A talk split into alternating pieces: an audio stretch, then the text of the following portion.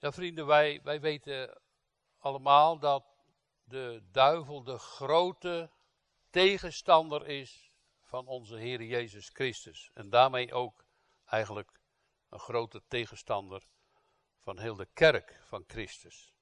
Eigenlijk van alle mensen. Een mensenmoordenaar van de beginnen is. Een macht waar Adam en Eva zich hebben aan overgegeven. En wij met hen. En daar is verlossing bij Christus. En daarom gaan wij verder met dit hoofdstuk, omdat hij hier een demon uitwerpt. Maar hoezo dat dat dan zomaar met zijn woorden ging? Dat komt omdat hij eerst in de woestijn was. En de vorige week hebben we daarover nagedacht. En daar de verzoeking uh, van 40 dagen zonder voedsel. En de duivel plaagde hem op allerlei mogelijke manieren. En hij overwon. Het was voor hem en voor ons een victory day. Een overwinning van die grote en heerlijke koning. Je moet het maar niet vergeten dat hij dat volbracht heeft. Toen al. Kijk, er staat in de schriften dat hij overwint en nog een keer en nog een keer. dus hier zie je ook dat de demonen dadelijk onderworpen worden aan zijn macht. Maar dadelijk zullen ook al die boze machten in de poel van het vuur geworpen worden. Uh, ja, dat is onze koning die dat doet. Want die mensenmoordenaar van de beginnen, die wil de mensen en ook ons wegslepen, vermoorden. En Jezus had een heel machtig wapen gebruikt. Uh, niet een raket of wat allemaal met oorlog te maken heeft, maar hij gebruikte het woord Gods. En dat is voor ons ook als christen een machtig wapen, wat wij mogen gebruiken in tijden als we dat nodig hebben, maar altijd misschien ook als je zo'n stem hoort van binnen die niet goed is. Uh, aanvallen, uh, misschien zelfs ook met ziektes en met demonische machten. Uh, gebruik het dan ook, hè? het woord Gods, als een krachtbron in uw leven. Gegeven voor ons, voor de mens. Daarom mogen we heel veel Bijbels ook uitdelen. Maar uh, of ze het echt verstaan en lezen. En ik hoop dat, ja, stel dat u nou zegt, nou ik begrijp het niet. Kunnen we het toch later nog een keer erover hebben en dat nog duidelijker proberen te vertellen, toch? Zo toch? Ja.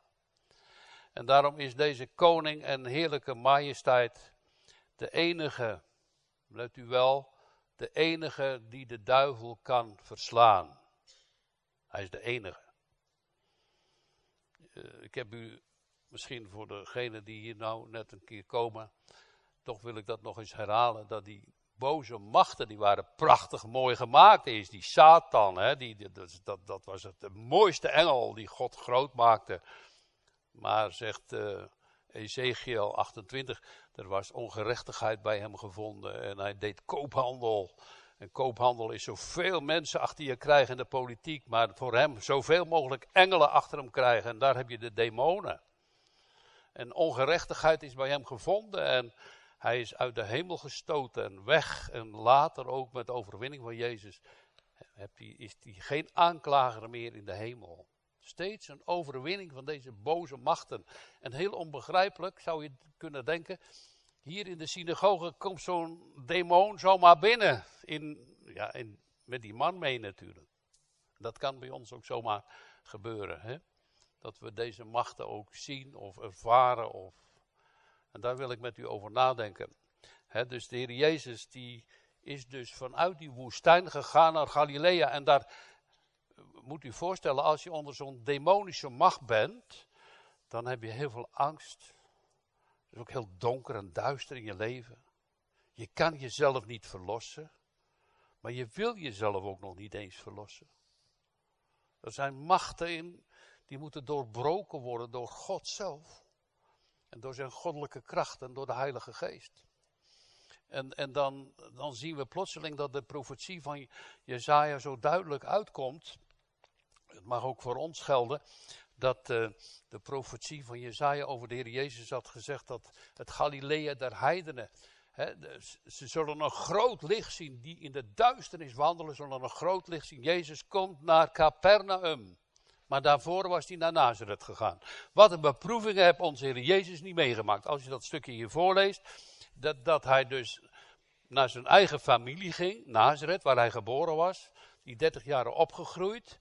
En dan, en dan, ja, dan hebben ze wel naar hem geluisterd en ze waren verwonderd. Maar, maar waar ging het dan toch fout, hè? Nou, weet je wat Jezus eigenlijk zei? God is niet verplicht om bij jullie ook wonderen te doen. Nou, ik denk dat het ook zo is. Het is altijd genade. Als wij kunnen zeggen, nou, u bent verplicht om ons te helpen. Met zo'n hoogmoedige stem, hè, want wij horen er toch bij. Ik denk niet dat God ons zal helpen, toch? Maar hij wil ons helpen in aanbidding, in knielen, in het verlangen van hulp en zegen. En hij geeft hulp. Dat kunnen we ook zien aan onze broeder Akram. Die, ja, het is onvoorstelbaar dat u hier weer bent.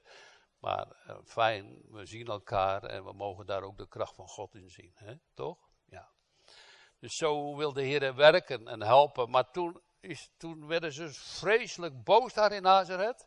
Omdat hij gezegd had, ja, God is het niet verplicht om jullie te helpen. Ze werden woedend en toen wilden ze van de steile rots afgooien.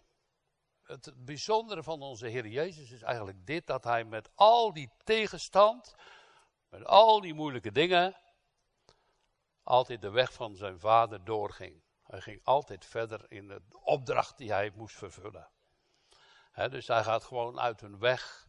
Ze wilden hem van de steile rots afwerpen dat hij dood zou zijn. En hij gaat zomaar tussen hen door, want hij is wel heel machtig, toch. En dan gaat hij naar Capernaum. En dan gaat hij leren en onderwijzen. In de synagoge. Hij gaat de mensen het vertellen van het evangelie. Dat onderwijs van de Heer Jezus is natuurlijk geweldig mooi, want hij sprak met macht. En als de Heer Jezus predikte of iets zei, ja, dan mag je echt zeggen, zo is het ook echt. En heel veel mensen die, uh, ja, mensen zonder God, die hebben soms eigen meningen. En wij hebben soms ook onze eigen meningen. En onze gedachten, en zo is het, en zo moet het. En ik vind dat het zo is. Maar uh, het is toch mooi om je eigen aan zijn woorden te onderwerpen. Weet je wat je dan ontvangt? Zegen, toch? Als je onderwerpt aan zijn woorden, is er toch hulp? Is er toch redding? Maar als je dus met je eigen gedachten en je eigen plan, hoe het allemaal moet in de toekomst en met het geloof, vanuit jezelf daarover nadenkt en zo die weg opgaat van, ja, ik denk dat je op een steile afgrond terecht gaat. Af, je gaat op een steile afgrond, en daar ga je naartoe en het, het, wij moeten leren leven uit het geloof, toch? De rechtvaardige zal uit het geloof leven, toch? Dat is het geloof in Hem. U, die grote redder van mensen, die ons verlossen wil en verlost heeft van de alle machten van de boze duivelen. U die ons onderwijs geeft en leert hoe het werkelijk is. Dat de zaligheid uit Christus is, uit God is. Zelfs wordt er gezegd, de zaligheid is uit de Joden, uit die familie kwam het. Daar is Jezus geboren. Daarom willen wij altijd voorzichtig zijn met het Joodse volk. Om hen niet weg te schoppen. Ze zijn niet volmaakt, zeker niet. Maar wel dat je zegt, uh, pas daarmee op. Gaat ze niet verachten. Laat anderen dat maar doen. Laten wij ze eerder proberen te zegenen, zoals het ook uh, is wat Abraham gezegd had en wat we op de Bijbelstudie hadden geleerd. Wie Abraham zegent, wordt gezegend, maar wie Abraham vloekt, wordt vervloekt. Dus dat is mooi. Wij hadden toen een familie, dat is al jaren geleden, en die zei, uh, hoezo dat, dat, dat, dat ze de naam Israël hebben? Dat is toch gewoon gestolen? Man was een christen, man uit uh, Syrië. Hij is wel heel lang uit ons, hij woont nu in Eindhoven. Maar toen heb ik hem uitgelegd dat die naam van God gegeven is aan Jacob. Bij de Jabok. Israël. Oh, zegt hij. Dan ga ik dat ook gebruiken. Oh, daarom is het goed om de schriften te onderzoeken, te weten wat God doet en wat hij zegt. Oh, zegt hij, Israël is van God gegeven, die naam. Jacob Israël. Toch? En zo gaat Jezus verder met onderwijs. Laten wij onze eigen plannen daar rondom onze zaligheid overgeven in zijn handen. Uh, ik hoorde, en ik weet het ook bij mezelf, dat uh, als God je gaat roepen, en je hebt misschien al jaren in de kerk gezeten, en dan gaat je roepen op de weg naar het eeuwige leven. En roep je tot bekering en tot geloof. Dat is niet vanzelfsprekend, dat is toch een wonder, toch? En als dat gebeurt, dan weet je soms, nadat je het allemaal al zoveel gehoord had, ik weet heel de weg niet meer. Ik weet het niet meer. En dan zie je dat je aan alle kanten zijn hulp nodig heeft. Dat vindt de Heer Jezus ook helemaal niet erg. Dat vindt hij geweldig als je zo naar hem toe gaat. En vraagt om die hulp. En om die zegen. En om die verlossing. En als je ziek bent. En wat je ook maar hebt. Wij kwamen langs Sliedrecht vanmorgen. Daar staat een heel groot billboard. Werp al uw bekommernissen op hem, want hij zorgt voor u. Zo toch? Zo mag het gaan. Zo is onze God. En uh, nou ja, een tekst zomaar in de lucht. Kost heel veel geld. Wij hadden vanmorgen nog gezegd tegen elkaar: ja, dat kost. Men zegt 500.000 euro per jaar daar op dat billboard. Dat is wel mooi, maar als ze nou die 500.000 euro zouden besteken aan een kerk hier, dan zouden we een vast gebouw kunnen hebben. Maar we hebben het wel gevraagd aan God, maar het moet dan ook maar gebeuren. Hè? Dan hoef je niet zo te sjouwen met die stoelen, zeg ik, heer, we worden ouder en zo. Hè? Maar, maar we geven het in zijn handen. Hij is de machtige. En dat blijkt ook hier, want als de Heer Jezus gaat onderwijzen in, in, die, eh, in dat Capernaum. En Capernaum, als je daar, eh, sommigen van u zijn in Israël geweest, die weten dat het is aan het meer van Genezeret, is een hele mooie plaats. Uh, je kijkt dan zo over dat grote meer heen. Aan de andere kant heb je Jordanië en de Hermon. En lager uit ga je naar de Dode Zee. De Jordaan en die stroomt dan verder. Maar daar dat Capernaum, we hebben, zijn er ook, een verwoeste stad. Heb God heel veel wonderen tekenen gedaan. En het is het, uh, ja, Jezus. En het gebeurde op een van die dagen dat hij onderwijs gaf. En dat er fariseeën en leraars uh, van de wet. Oh, ik zit hier verkeerd te lezen, maar hij. Wacht hoor. Dus, uh, en hij daalde af naar Capernaum, een stad in Galilea, en onderwees hen op de sabbatdagen. En zij stonden versteld van zijn onderricht, want zijn woord was met gezag. Nou, dat hebben we net al genoemd, hè. Dat we onze eigen gedachten prijs moeten geven. Heer, wat wilt gij dat ik doen zal? Maar in die synagoge was een man die een geest van een onreine demon had. Nou, dat, dan ben je ongelukkig hoor. Dus een geest van een onreine demon, dat is angst, dat is vuilheid, want u weet toch, onrein en wij moeten toch allemaal gereinigd worden door het bloed van Jezus, wil het goed met u gaan. Onrein in gedachten, in woorden, werken. Onrein een onreine geest, een demon. En die man die kon zich niet verlossen. En hij wilde zich waarschijnlijk ook niet verlossen, verlost worden. En, en, en, en die komt dan in de tempel. Maar u moet weten dat Jezus hier in dit gedeelte is het begin van zijn komst, van zijn prediking. Want hij was gedoopt in de Jordaan. Hij was verzocht door de Satan in de woestijn 40 dagen. Vertrekt daarna naar Nazareth.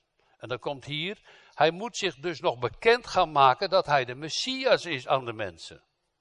Dat deed hij niet in ene keer. Ze konden het eigenlijk ook opmerken naar de wonderen die hij deed vanuit de schriften. Dat konden ze zien. Want dat was natuurlijk ook de vraag van Johannes de Doper. Bent u het nou echt? Nou, ga maar terug, had, Jezus gezegd. de blinden hun ogen worden geopend, de lammen kunnen lopen, de doden worden opgewekt en het evangelie wordt verkondigd vanuit die dingen naar de schriften kunnen zij het weten. Het hele Joodse volk kan het nu nog weten dat hij het echt is. En wij mogen het geloven en het wordt ons ook geleerd. En, maar dat het ook in je hart is. Dat je ook mag zeggen, hij is ook mijn zaligmaker. Dat is natuurlijk mooi hè. Want anders, heb je, heb je dan een ander? Ik niet. U wel?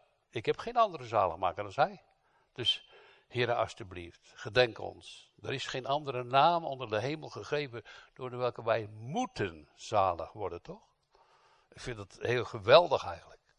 Die eer mag gij toch toekomen, die redder, die heerlijke God, om hem zo te verhogen en te loven in de liederen en met uw gedachten, van je eigen gedachten afgaan en gaan zien wat hij wil met ons leven.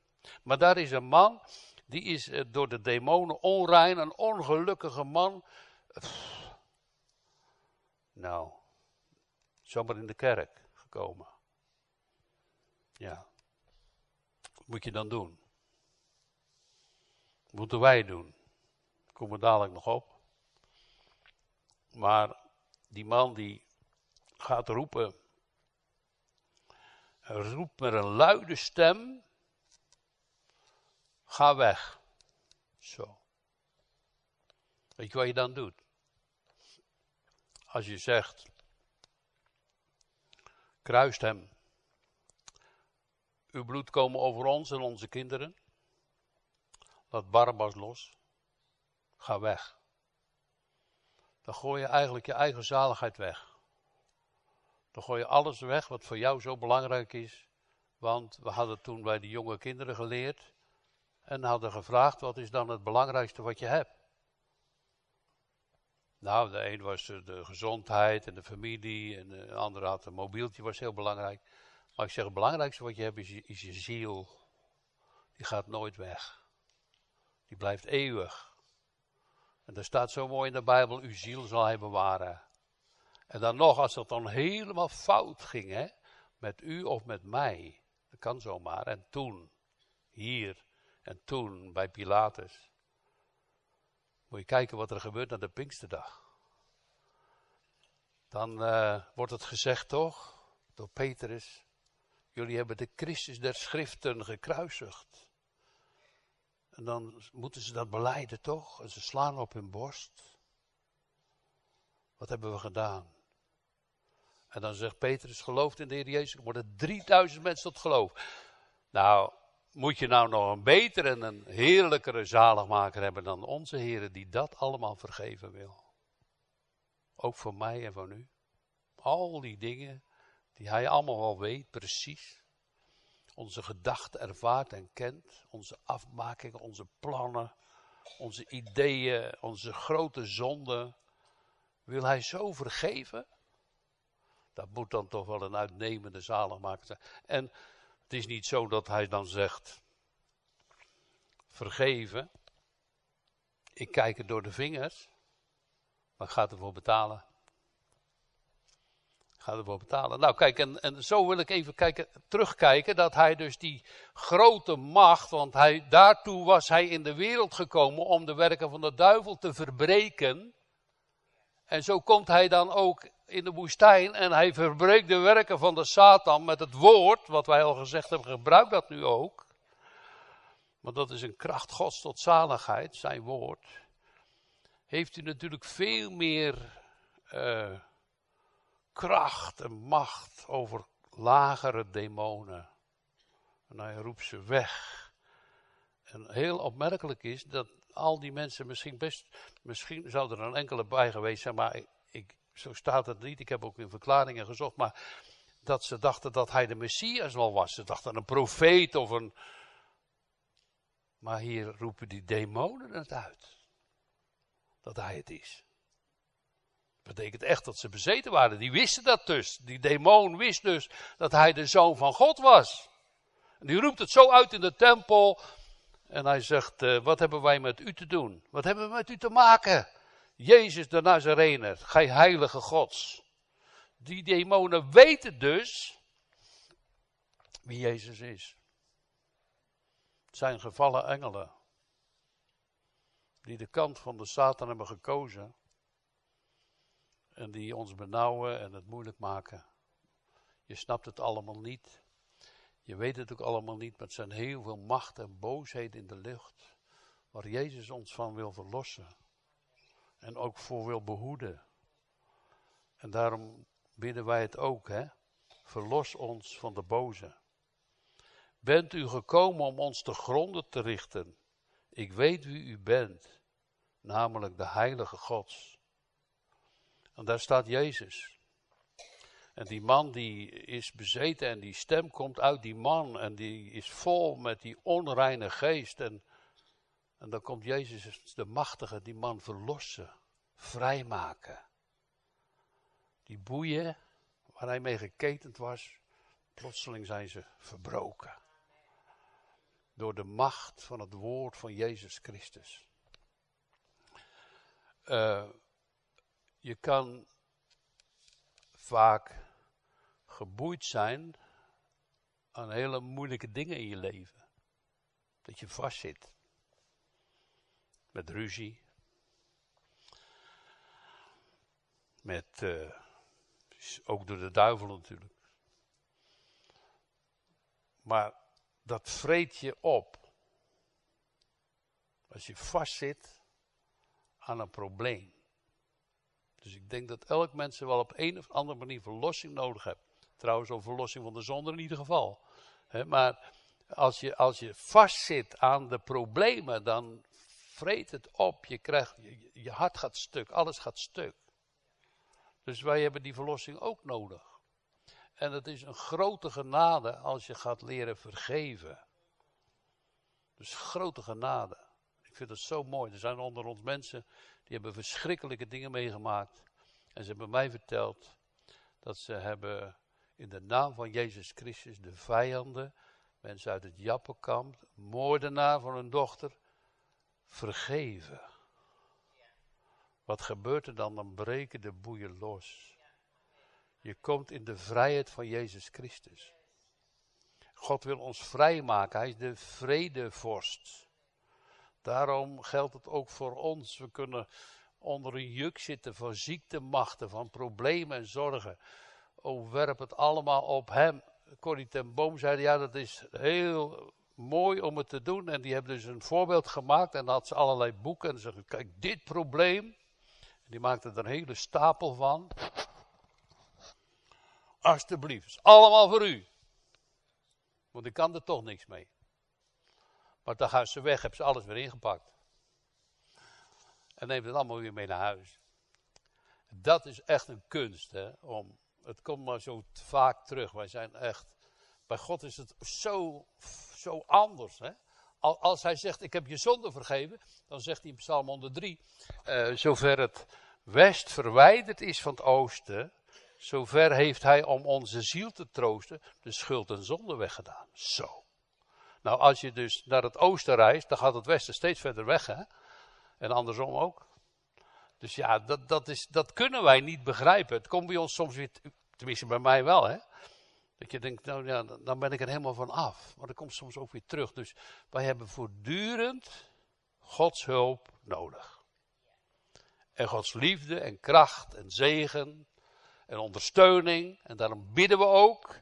Daarom roepen we zijn naam aan. Daarom willen we van hem houden. Daarom zeggen we, oh God, we gaan in uw spoor. Nou, moet je kijken. Wil je in zijn spoor gaan? Gaat hij naar Nazareth. Wordt hij zo veracht. Door zijn eigen familie. En uitgeworpen. Nou, daar zijn wel van zijn familie apostelen geworden, hè? Jacobus en anderen, hè? Die woonden daar toch ook? Ziet u? Van zijn familie, zijn broers, zijn gered toch? Misschien nog wel meer mensen. Jezus is zo vol van liefde. Die overwint de dood, de zonde, de duivel en alle machten. Dat blijkt hier ook. Dat hij het is. Die heerlijke God. Ja, nou, uh, ze roepen. Jezus, het komt in dit stukje steeds voor dat Jezus bestraft, hè, dus met woorden bestraft. Maar Jezus bestrafte hem en zei: Zwijg, ga uit hem weg. En de demon ging uit hem weg, nadat hij hem in het midden geworpen had zonder hem op enig opzicht letsel te bezorgen. Dus die, jongen, die man werd niet beschadigd. Verder uh, wel dat, dat je kon zien welke krachten er in hem waren. Hij werd gewoon op de grond geworpen door die macht. Maar hij is nu vrij. Hij is vrij geworden.